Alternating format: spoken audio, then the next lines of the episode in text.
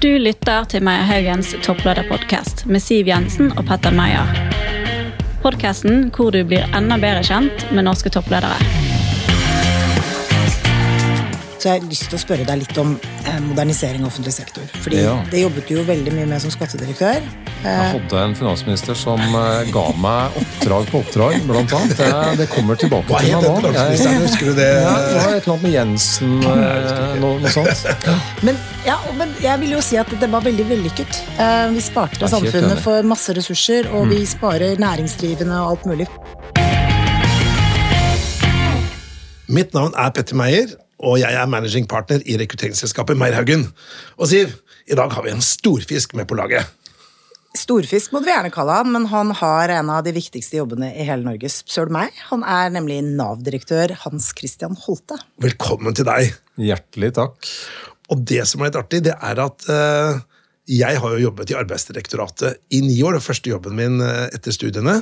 Så dette her er en organisasjon som jeg har veldig i hjertet mitt, og har en ekstremt viktig jobb i samfunnet. Og det er litt spesielt for deg også, Siv. Jeg vet at eh, dette er ting som du også kjenner på. Ja, men jeg jobbet veldig nært med Hans Christian da han var skattedirektør, for det var han eh, mens jeg var finansminister. Og vi gjorde utrolig mye viktig reformarbeid, moderniserte skatteetaten i en superfart. Um, og det kan vi nesten ha en egen podkast om, men det var en fremoverlent organisasjon med en fremoverlent leder. Og så blir det jo spennende å høre nå, da, når han har overtatt eh, ledelsen i Nav. 22 000 ansatte, er det vel. Og um, veldig mange velferdsordninger som folk er veldig opptatt av. Skaper trygghet. Stor del av statsbudsjettet. Her er det mye å snakke om, Petter. Ja, men det jeg lurer på spesielt, er to ting. Det ene er hvordan går det på arbeidsmarkedet nå? Det er jo alle oss som jobber i business, vi lurer på er det mørke skyer, og hva skjer? Og så er det dette her med det ansvarsfølelsen når du har en tredjedel av statsbudsjettet og så mange folk, og skjebnen til mange folk. Det er jeg veldig nysgjerrig på. Men skal vi knekke i gang, Siv? Vi gjør det. Men du, igjen velkommen. Det har vært så hyggelig at du vil ta en tur til oss her i Meierhaugen. Men uh, kan ikke du si litt om en liten sånn uh, fun fact om uh, deg? Er det noe som andre ikke vet? Det er nok mye, tenker jeg, men, eh, men i hvert fall noe. Jeg altså, kan nevne en fun fact fra den tida da, da Siv var sjefen min.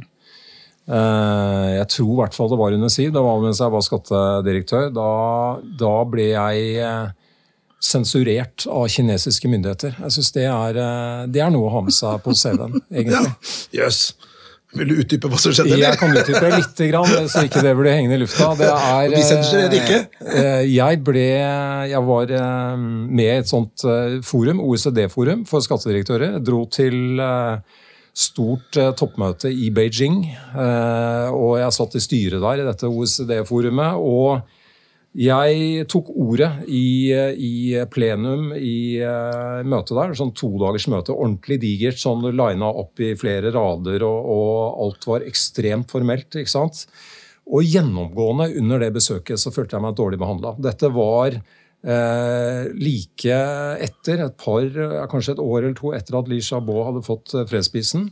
Så Norge var i fryseskapet, og jeg fikk kjenne på det. Eh, og det jeg la merke til når jeg tok ordet i plenum der, var at eh, det ble film, alt ble filmet. Men når jeg eh, tok ordet, da gjorde de sånn til, da, altså, da viftet de med pekefingeren til, eh, til eh, filmcrewet. Han skal ikke filmes! Han skal ikke filmes. Og så var det snakk om at eh, jeg også skulle få noen velvalgte ord. Norge skulle ha dette møtet i Oslo året etter. Vår meget elegante engelske leder på den tiden han, han kom med noen velvalgte ord om Norge, og da, eh, da gikk faktisk lydanlegget dukken. Eh, Sånn at det var mange, veldig rart. Veldig rart. Så det var mange eksempler på at jeg da ble litt sånn frossa ut, rett og slett, eh, der i Beijing. Ja, Spesiell er- følelse. Ja, det vil jeg tro. Det vil jeg tro. Men hvis vi skulle visst litt mer om deg på privaten, da. Hva gjør du når du ikke leder eh, en av Norges viktigste organisasjoner? Det er ikke superspennende, er det ikke. Men jeg er eh, glad i å gå i skauen. Jeg trives på fjellet. Jeg er ganske musikkinteressert. Oh, ja. Jeg klipper litt gitar. Ja. Nei, men altså først og fremst lytter. Eh, Men jeg har også spilt i rockeband en gang i tida, så det er noen sånne heldigvis før eh, alt ble liggende på internett og sånn. Så det er, så mye, det er ikke så mye å hente fra Takras, dette fantastiske bandet fra tidlig 80-tall. Men, men, uansett, det er, det er noen sånne ting. Lese bøker. Ja. Det er sånne ganske vanlige ting. Jeg har tre unger som begynner å bli ganske store etter hvert. Ja. Det er veldig fristende Siv, å spørre om favorittband. Ja, det er fristende. Favorittband det, det, er eh, mange. Jeg kan si at eh, De to siste gangene jeg har vært på konsert nå, så har jeg vært på konsert med folk som har vært eh, over 60, og til og med han før der over 80. Jeg var, også, Sting, kanskje? jeg var så Bob Dylan oh, ja. nylig, og han er en sånn utgammal kar. ikke sant? Og det er begynner å se på de der konsertene jeg går på, så er det mange, mange voksne folk. altså. Det er ikke mange som blir spurt? Det er, eh, nei, det er, det er, god musikk. Det er det. det, er det. Bra. Jeg tenkte vi skulle gå på dette med tre kjappe, Siv. Du, det er en sånn ting vi liker å, å utfordre deg litt på, så vi bare stiller spørsmål nå. Og så har vi som en liten cliffhanger mot slutten av sendingen. Uh, første spørsmål er uh, hvor går du når du trenger energi? Uh, det kan være trengs det i løpet av en lang arbeidsdag. Nummer to er hvis du hadde møtt eh, Putin og ikke blitt sensurert, da, hva hadde du sagt til ham da? Og tredje er har du en TV-serie eller en film eller en bok du vil anbefale lytterne våre å uh, nyte nå når uh, høsten setter inn og kulda setter inn. Uh, og dere som lytter på, kan også tenke på om dere hadde hatt noen gode råd og tips. Men Siv, mm. Nav. Nå må vi gå rett inn i puddingen her. Altså, Nav er jo en kjempestor organisasjon. Men hva er altså, fordi Jeg tror kanskje mange tenker at Nav um, er et sånt verktøy når du kommer i problemer.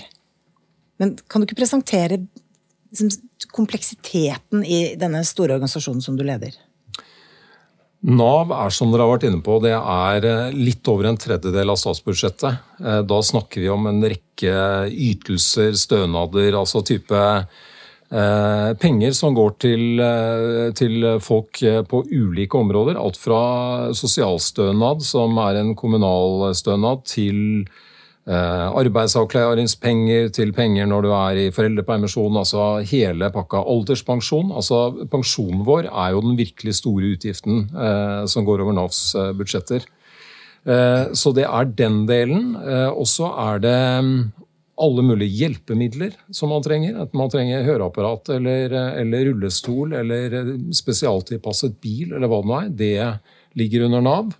Vi har eh, også da arbeid, som jo er eh, en helt vesentlig del av det. Nav-kontorene har som oppdrag, og, og for så vidt hele Nav har som oppdrag å hjelpe flest mulig ut i arbeid. Så Så du ser på, på, samfunnsoppdraget vårt, så er det å, å, gi folk i Norge økonomisk og sosial trygghet og eh, sikre arbeid og aktivitet for flest mulig. Og Det som er kult med Nav, da, det er vi er 22 000 ansatte. Eh, både fra stat og kommune. Eh, og så er det sånn at kompleksiteten i Nav det ser du hver eneste dag i det møtet som en veileder fra Nav har med et menneske som kommer til oss og, og trenger noe.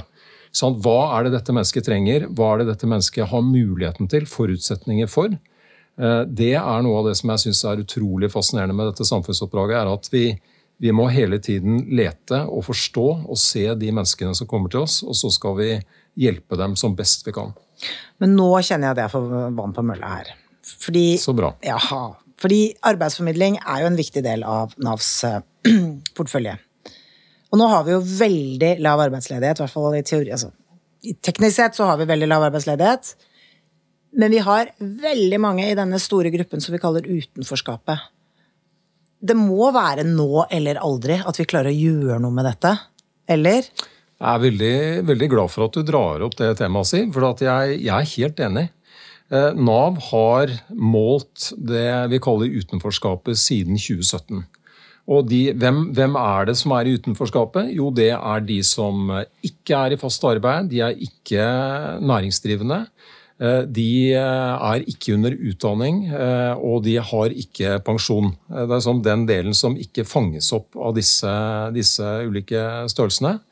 Og da har det vært siden 2017 så har det vært sånn røftlig 700 000 mennesker. Det er ganske mange. Så det er ganske mange. Det er klart det, det innbefatter eh, de som, eh, sant, som, har helsemessige årsaker til å ikke komme i arbeid. Det er de som kanskje har noen omsorgsoppgaver som gjør at ikke de vil i arbeid en periode.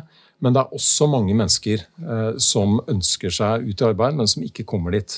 Så jeg er helt enig med deg. Den gruppa der den skal vi virkelig se på hvordan vi kan hjelpe ut i arbeidslivet nå. Nå er det en ganske historisk mulighet. Det er som du sier, det er jo eh, svært lav ledighet, og det er mange bransjer som skriker etter folk som ikke får eh, de, eh, den kompetansen de ønsker seg.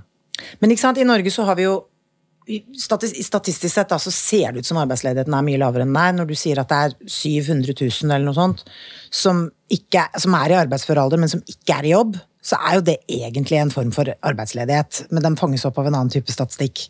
Men hvis vi bare liksom fikk 200 000 av de 700 000 ut i jobb, deltid, så gjør det ganske mye med budsjettet ditt det gjør ganske frigjør en del handlingsrom for eh, Vedum og, og, Støre, som de kan bruke på et eller annet annet som de syns er litt mer spennende, kanskje. Hvilke verktøy trenger du som du ikke har, for å hjelpe disse 700 000 menneskene til å få noe meningsfylt å drive med?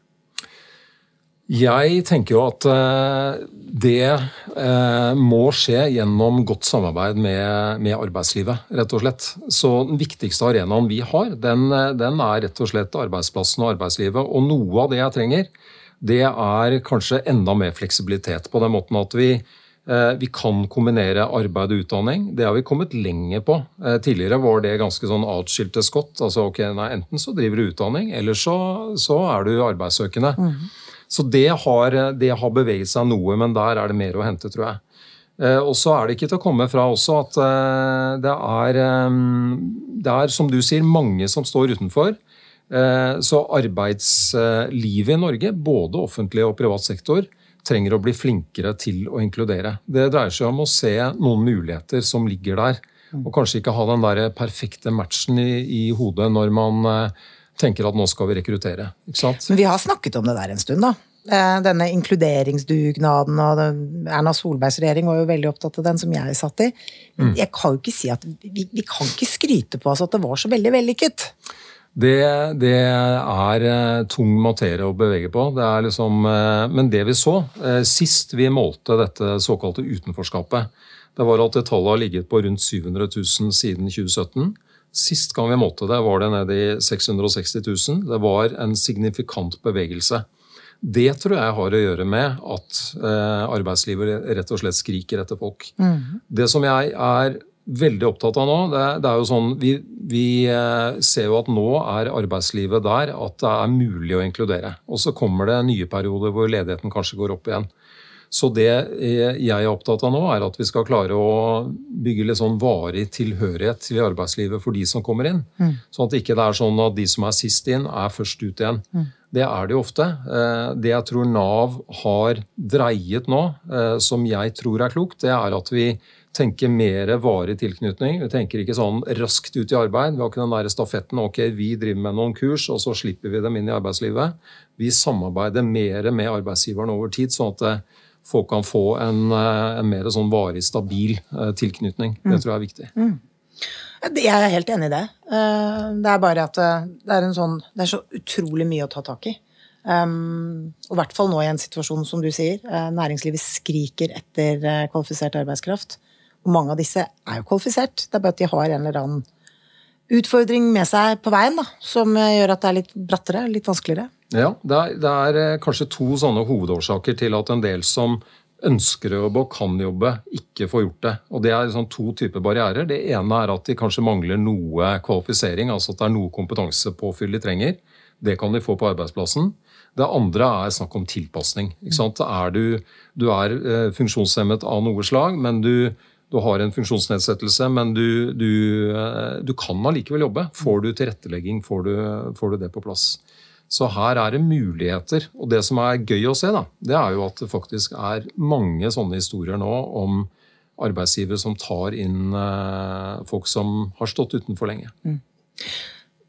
Ja, Petter, du, du altså, Dette her er mitt hjerte nær, da. Men du, er det lov å eller Da jeg jobbet i Arbeidsdirektoratet, da, så var det nesten sånn tabubelagt å si at kanskje noen få personer ikke hadde lyst til å jobbe.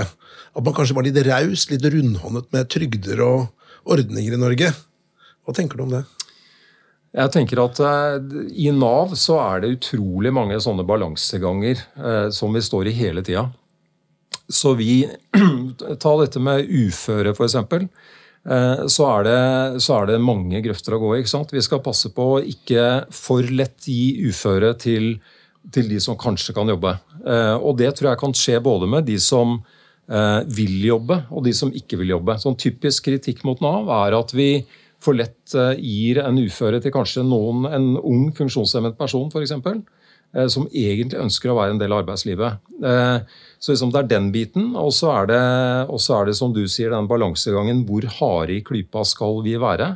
Nå har det jo etter denne store EØS-saken, som jo har ridd Nav og store deler av det offentlige de siste par, par årene, så så har det vært en sånn eh, Kanskje en liten sånn sving tilbake fra en ganske sånn noe Arbeidslinja, da, for å si sånn. Arbeidslinja og, og det å, sånn, jobbe med trygdesvindel osv. Så, videre. så vi, vi, skal jo gjøre alle disse tingene. Vi skal eh, være som sagt eh, tydelige, harde nok, sånn at det blir en som riktig fordeling da, eh, av de store ressursene som går gjennom Nav-systemet. Samtidig så, så, skal vi først og fremst behandle folk ålreit og ha tillit til dem i utgangspunktet. Det, det, tror jeg på. Det er jeg opptatt av.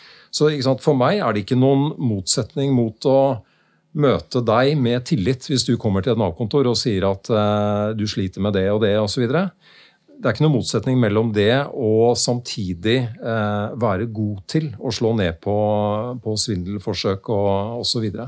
Og det, det er jeg helt enig med deg men så er det heller ikke noen motsetning det å kanskje man vet at det å være i jobb, da, for de aller fleste, så er det det sunneste du kan være i. Mm. Og det å gå hjemme, da, er noe av det mest usunne du kan gjøre. Mm. Så det er jo ikke noen motsetning her heller. Det, det, er ikke noe motsetning, og jeg er egentlig veldig fornøyd med at jeg, jeg har eh, pratet med Bjørn Gullvåg og disse folka i, i, Helsedirektoratet og helsesektoren. De ser også veldig tydelig nå at okay, arbeid er veldig ofte en del av løsningen eh, når du har helseproblemer. Mm. Og ikke sånn etter at du er ferdig med de helseproblemene, men mm. underveis for å faktisk komme deg i aktivitet. Bli, bli, bedre. Det er kjempe, kjempebra.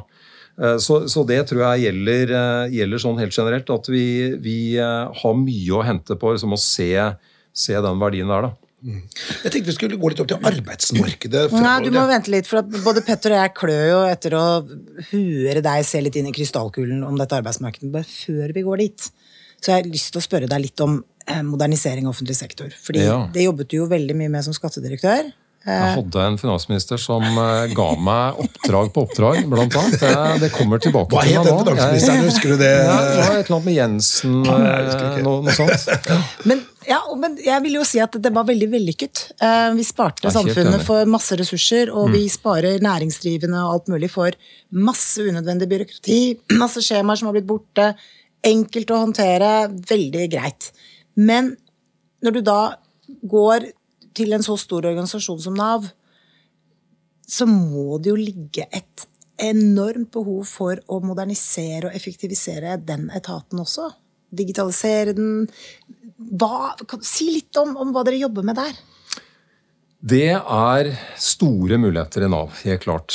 Eh, og så er det et fantastisk eh, Det må jeg bare si, og det, det mener jeg virkelig med hånda på hjertet. Det, det, er eh, kanskje Norges beste teknologimiljø. Fantastisk flinke folk.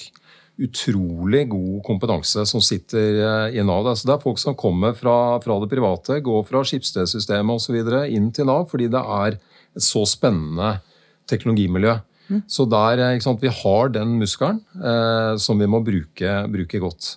Og så er, opplever jeg at Nav er liksom på vei. Vi har, vi, har, fått til en god del. Eh, foreldrepenger, altså forskjellige områder som vi har gjort mye enklere for folk. Eh, og ene slagordet som vi har på nye utviklingen vår nå, det er folk skal få penga de har eh, krav på, enkelt og forutsigbart. Mm. Og det, sant, det er det er en god del igjen der. Men, men, jeg tror noe av det Nav eh, stanger litt mot, da, som jeg er opptatt av å, å, å få jobba godt med, det er at vi, vi er stat og kommune, f.eks. Mm, mm. Så det, er noen, eh, det er ikke så mange andre virksomheter i Norge som er det. Eh, Og det har eh, noen fordeler, for det er så mye som henger sammen på tvers av stat og kommune. Men det er jaggu ganske vanskelig også når vi skal få til utvikling, når vi skal få informasjonsutveksling bare på et Nav-kontor. ikke sant? Få det til å flyte godt når du har en kommunal del og du har en statlig del. Mm. Så, så, der ligger det en del. Men, men, jeg ser et stort potensial. Og det er litt sånn den prioriteringskøen når det gjelder hva vi skal utvikle videre, er, eh, det er tøffe prioriteringer. For det er så mange gode muligheter her. Men vi setter to ting opp mot hverandre. da, fordi jeg var selv inne på Nav sine sider, eller på min side hos Nav. Mm og fant ut at dere har laget et sånt fantastisk eh, pensjonsverktøy, hvor du får opp liksom hele eh, pensjonsbeholdningen din i folketrygden, og så kan du drive og dra litt i, i spakene selv, ettersom du tenker skal jeg skal pensjonere meg når jeg er 62, eller skal jeg vente til jeg er 67, og hva skjer imellom der, og så kan jeg jobbe litt, og så får du plutselig opp alle regnestykkene. Superverktøy! Mm. Men så husker vi da på den andre siden, midt i koronapandemien, hvor eh, myndighetene eh, la veldig mye ansvar på dine skuldre på å få raske utbetalinger, som krevde, tror jeg, litt teknologisk eh, eh, magi. Mm. Det må ha vært en litt tøff greie. Men eh, var, for det første så var jeg skattedirektør da korona traff. Ja, sånn at jeg, jeg, lagde noe som het kompensasjonsordning for næringslivet eh, på tre uker. I mm. samarbeid med, med, med finansnæringen og, og, og, sånn. Og det var, det var en Samtidig så var Nav ekstremt gode eh, til å lage løsninger. De lagde en forskuddsløsning på tre dager eh, for de som, eh, de som trengte forskudd i forhold til dagpenger. Og husk på at det var, Plutselig så var det et sånt astronomisk antall søkere av dagpenger mm. som ingen hadde sett for seg. Mm. Eh, sånn at eh, jeg mener jo Nå er jeg kanskje etter hvert eh, begynt å bli mindre og mindre objektiv når det gjelder Nav, da, men, men, jeg mener jo faktisk at Nav løste det der veldig veldig bra. Og det er en, på mange måter en, en suksesshistorie. Du, Petter, nå ser jeg at du står og sparker i grusen. Du, altså, Vi kunne jo prate om det her, det skulle vært sånn føljetong, for det er så veldig mye viktig å prate om. Men jeg vet at i hvert fall mange våre kunder, våre kandidater, og, og jeg ikke minst, eh, lurer på hvordan går det med arbeidsmarkedet framover? Ja, der er det jo sånn at uh, vi har uh, prognoser som vi kommer med sånn uh, tre ganger i året ca. Vi kommer med en i november. Eh, og så er det litt sånn kjedelig å si, men, men, jeg har jo ikke så mye å melde. Eh, jeg er liksom ikke så mye ute og, og lager prognoser på frihånd som Nav-direktør. Eh, hva tror du personlig, da, hvis du skulle ja, spådd inn i glasskula? Hva, hva, tror du personlig? Altså, jeg, der, det, det, blir ganske lite interessant, som jeg sier om det, rett og slett. For det, jeg har litt respekt for de fagfolka hos meg som jobber med de prognosene. Men det er klart, alle ser jo at eh, nå er vi inne i en spesiell tid. Eh, og vi ser også de utfordringene som er i økonomien. og vi ser at det er, sant, det er justeringer av forventningene i, i, mange ulike bransjer. Men per nå, altså det vi ser i praksis, er jo fortsatt at det er eh, stor etterspørsel etter arbeidskraft på, på mange områder. Så den, den, praksisen vi ser ute i Nav, er jo foreløpig der at det er, eh, det er, veldig stor eh, etterspørsel etter arbeidskraft i, i, veldig mange bransjer. Så er det jo heller ikke noe sånn eh, bombe å si at i noen bransjer så har dette vært over tid og kommer til å vedvare. Altså Vi vet jo at hvis du vil være trygg på arbeidsmarkedet framover, så er det å utdanne seg innenfor helse- og sosialområdet f.eks. helt bankers. Det er noen sånne områder som, som, som står der som utfordringer over tid. Også. Så hva tenker bare din analyse sier? For de som lytter på, de hadde kanskje forventa litt mer fra Juice fra han der uh, Nav-direktøren. Men hva tenker du, da? Nei, men du vet, Nav presenterer jo ledighetsstatistikk et visst antall ganger i året. Og så er det jo andre offentlige instanser som kanskje viser litt mer om bransje. SSB f.eks. gjør jo kanskje de litt mer annen type analyse. Men um det er jo spennende å liksom se hvilke vurderinger Nav gjør av fremtidens arbeidsmarked. Fordi jeg tror det er veldig mange unge mennesker for eksempel, som sitter og lurer på hva skal jeg egentlig bli. Eh, kanskje det de hadde tenkt at de skulle bli, har blitt et helt annet type yrke. Bare det å være bilmekaniker i dag for eksempel, er jo noe annet enn det var for 20 år siden. Absolutt. absolutt. Vi, vi, nå, nå, har vi ganske sånn eh, stor ungdomssatsing, og det er jo noe med Uh, ja, det, det, som jo, uh, det, som jo, er ganske åpenbart, er at folk vil skifte bransjer uh, flere ganger gjennom livet. Det, det, har ikke vi måttet behøve å gjøre på samme måte, men det, er en del av, av, det som kommer. Sånn at hele diskusjonen om kunstig intelligens, f.eks., hva den gjør med diverse bransjer, det som, det som, vel er ganske sikkert, er at det vil bli nye, nye arbeidsoppgaver. Selv om mange bransjer får får store endringer. Mm. Jeg tenkte Skal vi gå litt over dette med toppledelse? Da, for Du er jo som sagt eh, en eh, toppleder eh, av rang, og har vært det i mange sammenhenger, både skattedirektør og i flere institusjoner. da. Når du hører ordet toppleder, får du sånn synes du er sånn, Identifiserer deg med å være toppleder, eller er du liksom, liksom jo nei, man skal ikke stikke seg fram, eller hva tenker du rundt begrepet? Nei, jeg har vel blitt litt sånn miljøskade etter hvert. Jeg er veldig, veldig greit med det begrepet. Jeg, eh, det er vanskelig å komme utenom at jeg er toppleder, altså. Det, det lever jeg godt med. Så det er helt ok. Når skjønte du at du kom til å bli toppleder? Var det en sånn barne... En guttedrøm, eller? Nei, det var det ikke egentlig. Det er, eh, jeg tror ofte det er mye tilfeldigheter. Jeg, men jeg hadde jeg har vært en sånn litt sånn tvilende fyr da, gjennom min karriere. ikke sant, sånn Først eh, masse på IT, og så ble jeg statsviter etter hvert. altså Du ser det på utdanningen, du ser det også på kanskje noen av de første jobbene. Begynte i konsulentbransjen, i privat næringsliv, beveget meg til det offentlige. ikke sant, og var kanskje opptatt av å være en fagperson eh, en god stund. Jeg, jeg søkte eh, sånn doktorgradsstipend og tenkte jeg skulle bli forsker. ikke sant? Sånne ting. Men så var det sånn rundt år 2000. Da hadde jeg hatt min første lederjobb, og da, da sånn, merket jeg at nå er det ganske mange veier å gå her. Det var på den tida det var liksom før dotcom-bølgen eller bobla virkelig sprakk. Jeg satt og hadde sånne fancy konsulent, eller sånne IT-selskaper som hadde PowerPoint-presentasjoner på en eh, restaurant på Grünerløkka og skulle ha meg med på spennende eventyr og sånn. Og så hadde jeg trauste, solide Sosial- og helsedepartementet som søkte etter avdelingsdirektør. Og da der eh, tok jeg et sprang inn i offentlig ledelse, gitt. Som jeg eh, ikke har angra på. Og det er bra du ikke angrer på, for det er der du har blitt. Der har jeg blitt. I sentralforvaltningen. Der har jeg blitt. Det er riktig. Men du, det er jo et rekrutteringsselskap, da, Meierhaugen, så når du jobber med rekruttering til folk rødt rundt deg, mm. hva, hva slags typer er det du ser etter? Hva er viktig for deg å finne ut av? Altså, Jeg er eh, nok en leder som er opptatt av, eh, av, endring, utvikling. Altså, jeg tenker at Når jeg eh, har min eh, tilmålte liksom, tid i en organisasjon, så er det for å utvikle den organisasjonen videre. Og den, den tanken må stå sterkt. Eh, da er det fint å ha finansministre som vil ting. Da er det fint å ha ledergrupper som vil ting. ikke sant? Og, eh, og, så det er en sånn eh, grunn, sånn basis for noe av det jeg ser etter. Og så er det så tror jeg også det er alltid lurt, i hvert fall hvis du har muligheten, så er det noe med å se helheten i ledergruppa di litt og tenke tenke et visst mangfold. Da. Det er lett å rekruttere folk som ligner på seg sjøl, som du prater lett med. Så det å, å um, gi seg selv litt motstand, det er heller ikke dumt. Altså. Å, tenke at du, du, trenger en sånn bredde i den ledergruppa du setter sammen. Jeg hadde muligheten som skattedirektør etter en av disse store omorganiseringene som, eh, som, vi drev med der, eh, så kunne jeg rekruttere en helt sånn flunka ny ledergruppe. Virkelig et privilegium. Hvis du da tenker sånn også dette med lederstil, for dette er kanskje en fin overgang til vi skal prate litt om personlighet.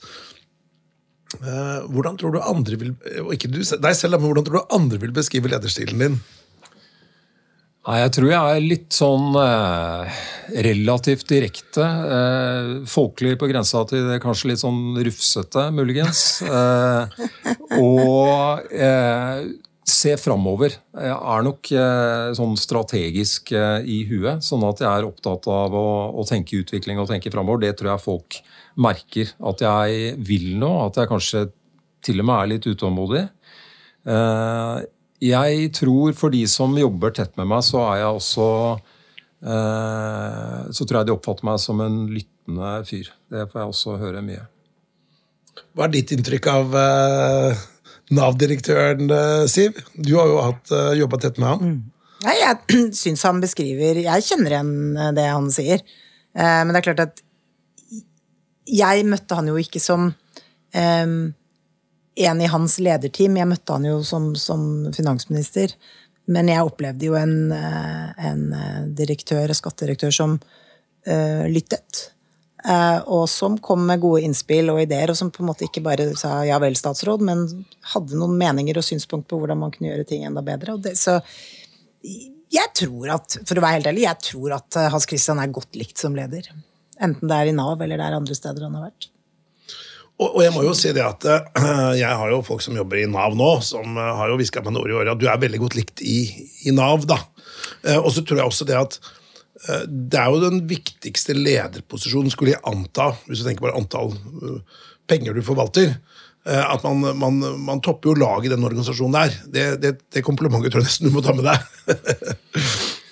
Jo, takk. Det er, altså jeg synes det er, jeg, det er jo virkelig et privilegium for meg å få den sjansen til å lede, lede en så viktig eh, organisasjon i Norge. Det, det må jeg si.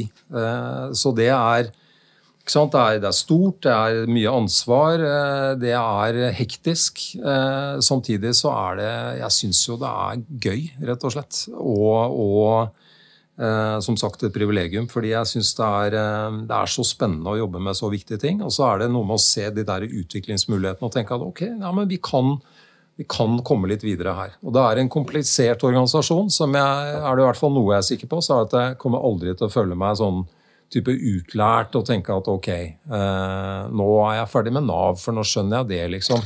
Nå er den jobben gjort. Ja. Nei, sånn er det ikke. En liten stykke igjen, tror jeg, før det er eh, perfekt. vi jobber, eh, jobber, med saken, og det er mye, mye bra uh, som er i denne organisasjonen nå. Altså. Mm. Du, skal vi gå på med personlighet, Siv? Ja, det er spennende. Ah, du, du eh, personlighet det er jo viktig for oss som jobber med rekruttering, eh, av mange årsaker. Men før vi sier litt mer om det, Fortell litt. Hvordan oppfatter du deg selv som person? Eh, si litt om både hva du tenker selv, men også hvilke tilbakemeldinger du har fått fra venner og familie og kollegaer opp igjennom. Hva slags type er du? Ja, jeg tror eh, folk kjenner meg som en sånn ganske rolig type. Eh, sånn eh, Aldri sånn Jeg blir ikke veldig lett stressa, f.eks. Det, det tror jeg folk kjenner meg som. Eh, så egentlig ganske optimistisk uh, fyr, um, tror jeg også. Uh, ja, hva skal jeg si? Ja? Er det noen personlige egenskaper du er veldig glad for du har hatt? Og som tenker, åh, fader, det har båret meg gjennom mange stormer? Det, er, altså det, det helt grunnleggende tenker jeg, er å ha et sånn positivt syn på livet. Altså det, mm. det tror jeg det, er, eh, det skal man være glad for at man har. Eh, det er ikke gitt, ikke sant? Og det er eh, Men har du, har du, noen egenskaper som eller, som du bare tenker at å, det der skulle jeg kvitta meg med, eller det burde jeg plukka av meg? Det, det, har jeg nok. Men bare, kan du si det til bare Siv og meg? Mm. Ja, ja, ja, ja, ja. Altså, jeg, jeg tror jeg, jeg, kan Jeg sa kanskje noe i stad om at jeg kunne være utålmodig. Jeg tror, jeg tror nok det kan merkes. Altså det, det, som Jeg tror ikke de sosiale antennene mine alltid er like lange, liksom. Jeg, tror at uh, folk leser meg lettere enn jeg av og til skjønner. Altså Hvis mm. jeg sitter og er litt sånn uh, utålmodig eller irritert f.eks. i et møte, så blir jeg alltid overrasket etterpå hvis noen sier at ja, det var, det var ikke vanskelig å se. Hans Christian. Jeg har tydeligvis ikke noe pokerfjes. Det tror jeg er riktig. Du, Nå skal vi da se litt på disse personlige egenskapene som, som forskning tyder på er sentralt for en topplederstilling. da. Og så kan du bare, Jeg kommer til å lese opp ganske raskt, og så kan du på en måte si ja eller nei, eller hvordan, så reflekterer vi litt på tampen. da. Er du klar? Yes. Eh, har du høyt energinivå? Ja. Uh, har du stresstoleranse? Ja. Uh, høy selvtillit? Ja Den drar jeg litt på, egentlig. Ja. Sånn middels, kanskje. Skal komme tilbake til den, da. Uh, tror du at du har stor påvirkningskraft? Ja. er du resultatfokusert? Ja. overbevisende overfor andre? ja. Hensynsfull? Ja. Besluttsom? Ganske. Optimistisk? Ja. Ja, spennende her, da. Han tikker jo inn på ganske mange ja, sterke personlighetstrekk for en toppleder. Ja, det vil jeg si. Det, I hvert fall det som forskningen viser, da, det er at det er energinivå, eller høyt energinivå og høy toleranse for stress, eller resilience, da, som man sier på engelsk. Eh, Det er jo de to personegenskapene som lader mest på topplederskap. Er du overrasket over det? Jeg, jeg eh, tenker jo egentlig at det, det passer bra. Altså, jeg, jeg har jo mange ganger tenkt at eh, det å, det håndtere en sånn jobb sånn som den jeg har nå, det, det fordrer at eh, jeg kan leve livet mitt og ha det ålreit underveis. ikke sant? Jeg må ikke bli sånn gradvis brenne lys i begge ender og, og sånn. Jeg tror hvis du er litt sånn detaljorientert og, og kanskje kjenner på det der kontrollbehovet og, og stressa, så, så vil du ikke fikse en sånn jobb. Sånn at eh, noe av det som jeg har tenkt på som en sånn kvalitet som jeg har fått utdelt, som jeg ikke føler at eh, som, det, er, det er kanskje ikke så lett å trene det, jeg vet ikke, men i hvert fall det der med å kunne legge rimelig sånne heavy ting til side når man er ute og går i skogen eller er med familien eller hva det er. Tror jeg, det tror jeg er viktig for en toppleder. Og så er det som det andre du sier, ikke sant, energinivå. Jeg tror den der staminaen altså Det er noe med å stå i ting og være litt eh, sta. da. Eh, Jeg er nok litt sta eh, også, som jo er, alltid har en slagside også. Men de, de tingene tror jeg er viktige for toppledere. Men er det, er det, du sa det jo selv, når du går på tur i skog og mark og fjell og alt mulig, at du, du klarer å riste av deg disse tingene? Da er jeg god på det, altså. Eh, Jeg er egentlig god på det jevnt over seg. Når jeg kommer hjem fra jobben i dag, så ja, kan jeg ha det bra med alle ting. Men, men dere to har jo vært eh, Du har bare vært er toppledere. Hvor Ser du toppledere som ikke har den evnen? Eller er det noe man må ha for å bli toppleder? Jeg tenker du, Det er jo toppledere som slutter å være toppledere. Og det kan jo være fordi de kjenner på mye stress, eller altså at eh, det er en sånn jeg tror jo, men det er kanskje litt mer sånn klassisk toppleder som, som da hadde hjemmeværende kone, da, typisk. eh, Og som Da, da jobba du 60-70 timer, og du, du, du brant deg gradvis ut på den der Du har ingen beskrankning. Nei, du har ingen beskrankning. ikke sant? Du er, eh, du er litt der. Det tror jeg nok eh, enkelte toppledere er der. Eh, Jeg har vel den filosofien at jeg blir ikke noe bedre Nav-leder av å jobbe 70 timer i uka enn om jeg jobber eh, 55, liksom. Det er, det er noe med å finne et riktig nivå på det jeg driver med. Jeg husker det var noen Jeg skal ikke nevne navnet, men jeg som jobbet jo i Arbeidsdirektoratet, og der var jo også eh, arbeidsdirektøren, som det den gangen. da. Og det var noen på begynnelsen av 2000-tallet som eh, jeg så gikk ned for telling, og det var not a pretty sight, altså. Jeg tror de tok med seg jobben litt for mye hjem, og, og det var hvitt flagg på tampen der. Og det var ikke noe fint å se, for du så du, Det er som en, en bil som kjører ut i grøfta. Du ser det lenge før, før det skjer. Ja. Det var en sånn eh, ja, du, du, en ulykke som du bare ser kommer til å skje. Nettopp. Så det, ja, det er det, det er noe med å gi noe til, eh, til eh, kollegaene dine og omgivelsene dine. ikke sant? Som du ikke du, du tror jeg blir gradvis mindre givende, rett og slett. Ja. Så det er, eh, den balansen den er en del av å klare seg. Siv, eh, kjenner jeg deg rett, så har du noen spørsmål på lager. Ja, men jeg, jeg har stilt egentlig veldig mange av de spørsmålene som jeg oppriktig lurer på, men, men jeg tenker kanskje har lyst til å kanskje bore enda litt mer i dette med arbeidsformidling. Fordi at jeg tror mange har noen sånne fordommer mot Nav. Og at dere kanskje oppfattes som at dere er bedre til å gi ytelser enn til å være en god arbeidsformidler. Er det, er det bare en dårlig myte? Det tror jeg er i ferd med å bli en myte. Det tror jeg. Fordi jeg, eh, jeg tror nok eh, det har vært en ganske sånn tydelig dreining eh, bort fra å tenke sånn arbeidsmarkedstiltak. Du går på AMU-kurs, og så, så prøver vi å dytte deg inn et sted. Altså, jeg, det er liksom kanskje å sette på spissen hvordan det var litt før. Eh, Og så tror jeg nå er det mer samarbeid med arbeidsgivere. Jeg har reist rundt i hele Norge og møtt ulike deler av Nav. Veldig ålreit. eh, Endelig, når korona var ferdig, ikke sant, å kunne gjøre det. Mm. og da så jeg så mange gode eksempler på hvordan lokalt næringsliv og Nav jobba sammen. Så det, det, som kan virke som en litt sånn uh, tung uh, historie i nasjonale medier, der er det masse bra som uh, reflekteres i lokalpress og sånn, av hvordan Nav samarbeider med næringslivet. Men Så, hvor flinke er dere da? For jeg er helt enig. Det mm. finnes mange sånne solskinnshistorier på et lokalt Nav-kontor et eller annet sted. Mm. Evnen de har til å se behovene som næringslivet har. Eh, og ikke minst se behovene som en del av disse som vi snakket om i stad, utenforskapet mm. har. Mm.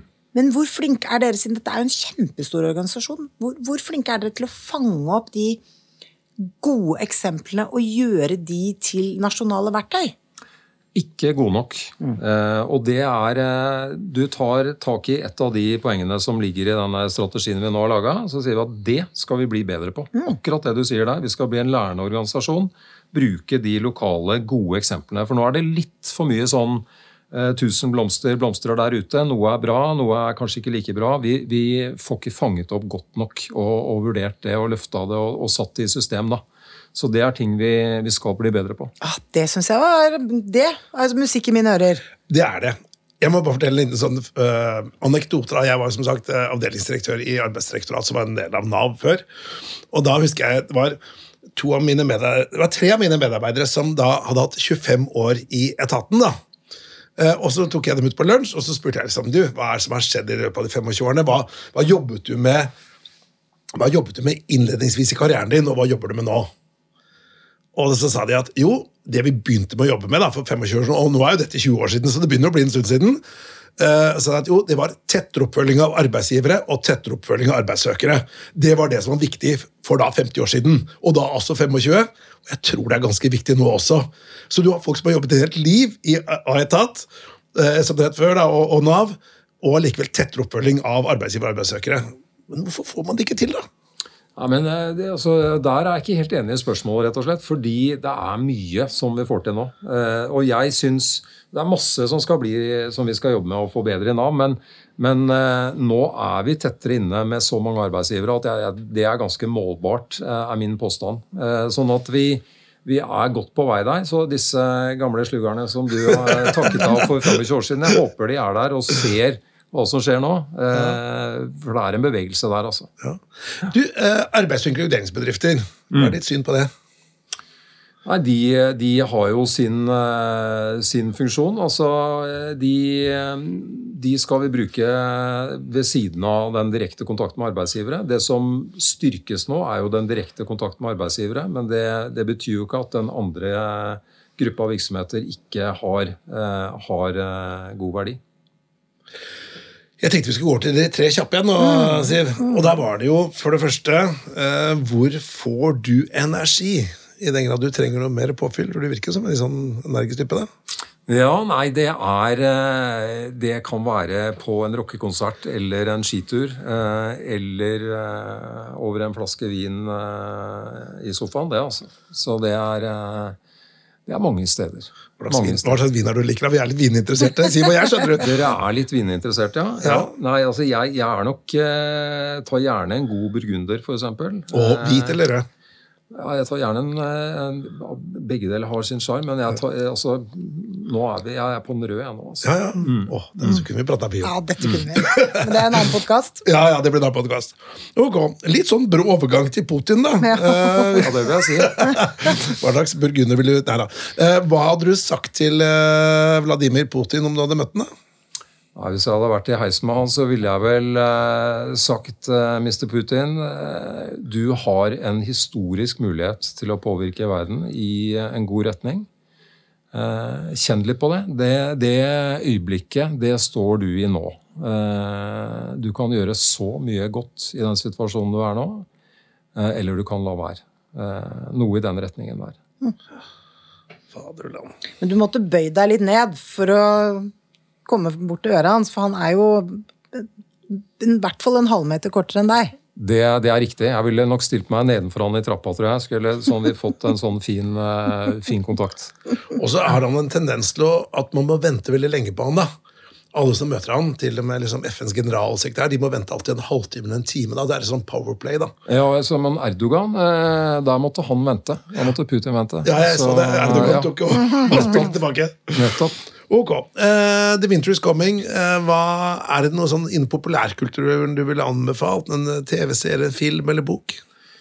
Ja, ta, ta TV-serie, da. Som uh, Da ville jeg nok akkurat nå det, det er ikke så lystig, kjenner jeg. Men, men også nå, nå ser jeg på en sånn serie om USA som Thomas Seltzer har laget. Ja, UXA. U- UXA. Ja. Den er jo til å bli vettskremt av. eh, samtidig som den er eh, godt laga, syns jeg. Han, eh, han er jo amerikaner i bånn. og går så liksom inn på amerikanerne. Eh, fantastisk fascinerende og skremmende. Så det er litt sånn folkeopplysning eh, som jeg tenker ligger der. Da. Jeg er helt enig. Det Ja, det er fascinerende. fascinerende. Jeg kom akkurat 14 dager fra USA nå, og var rundt i California. Fra Hollywood Hills, hvor, eh, rik, eh, hvor penga bare dryser ut, til Venice Beach, hvor du har masse folk med store store psykologiske, eller psykiske problemer, fysiske problemer. Der hadde et, eh, en Nav i USA! Der skulle Vi snakker, å gjøre. snakker, ikke sant? vi snakker tillit i et samfunn, Ja, og, og hvordan det revner og blir borte. Altså, Det er noe med å Ja, det er Det er heftig. Det er noen kvaliteter å ta vare på i det norske samfunnet. Ikke sant? Ja, ikke sant? Og, og igjen ja, Nå blir jeg så engasjert at jeg hopper nesten til å hoppe her. Men bare det at du ikke tar vare på flokken din, da, som man ser i USA Nå er det kanskje litt sånn unyansert mot mange USA-elskere her, men når du reiser rundt i USA, så er det så mange som faller utenfor, og folk bryr seg ikke. Det, det, det gjør meg så forbanna. Det kan jeg ikke få sagt engang. Ja, og det at du har et eh, du har på en måte, Dette kan vi prate mye om, hører jeg. Eh, Ja. Du, du har et eh, samfunn hvor man ikke tror på hverandre fordi man bruker alternative nyhetskanaler og, og sånn. Liksom Da, da begynner ting å bli vanskelig. Ok, jeg tror vi må runde av før vi vi tar fyr her, alle sammen. Og, men for det første, tusen hjertelig takk for at du tok deg eh, turen hit. Og fikk vi svar på spørsmålene våre, Siv? Hvordan det er å, å eh, være Nav-direktør? Ja, vet du, jeg syns vi fikk et godt innblikk i den krevende og sammensatte jobben som eh, Hans Christian Holte har. Men samtidig så jeg ble litt oppløfta òg, fordi bare på få år, og han har jo ikke vært Nav-direktør så veldig lenge, så hører jeg at det har skjedd en del med et, eh, en veldig stor organisasjon som veldig mange er veldig avhengig av.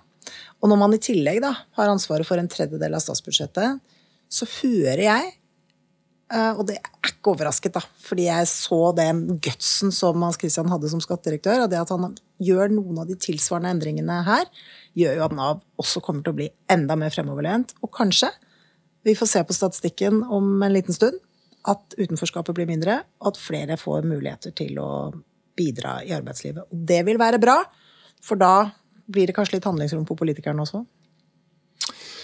Men Vi fikk ikke så mye svar på hvordan arbeidsmarkedet går framover. Men da gleder vi oss til den rapporten som kommer i november.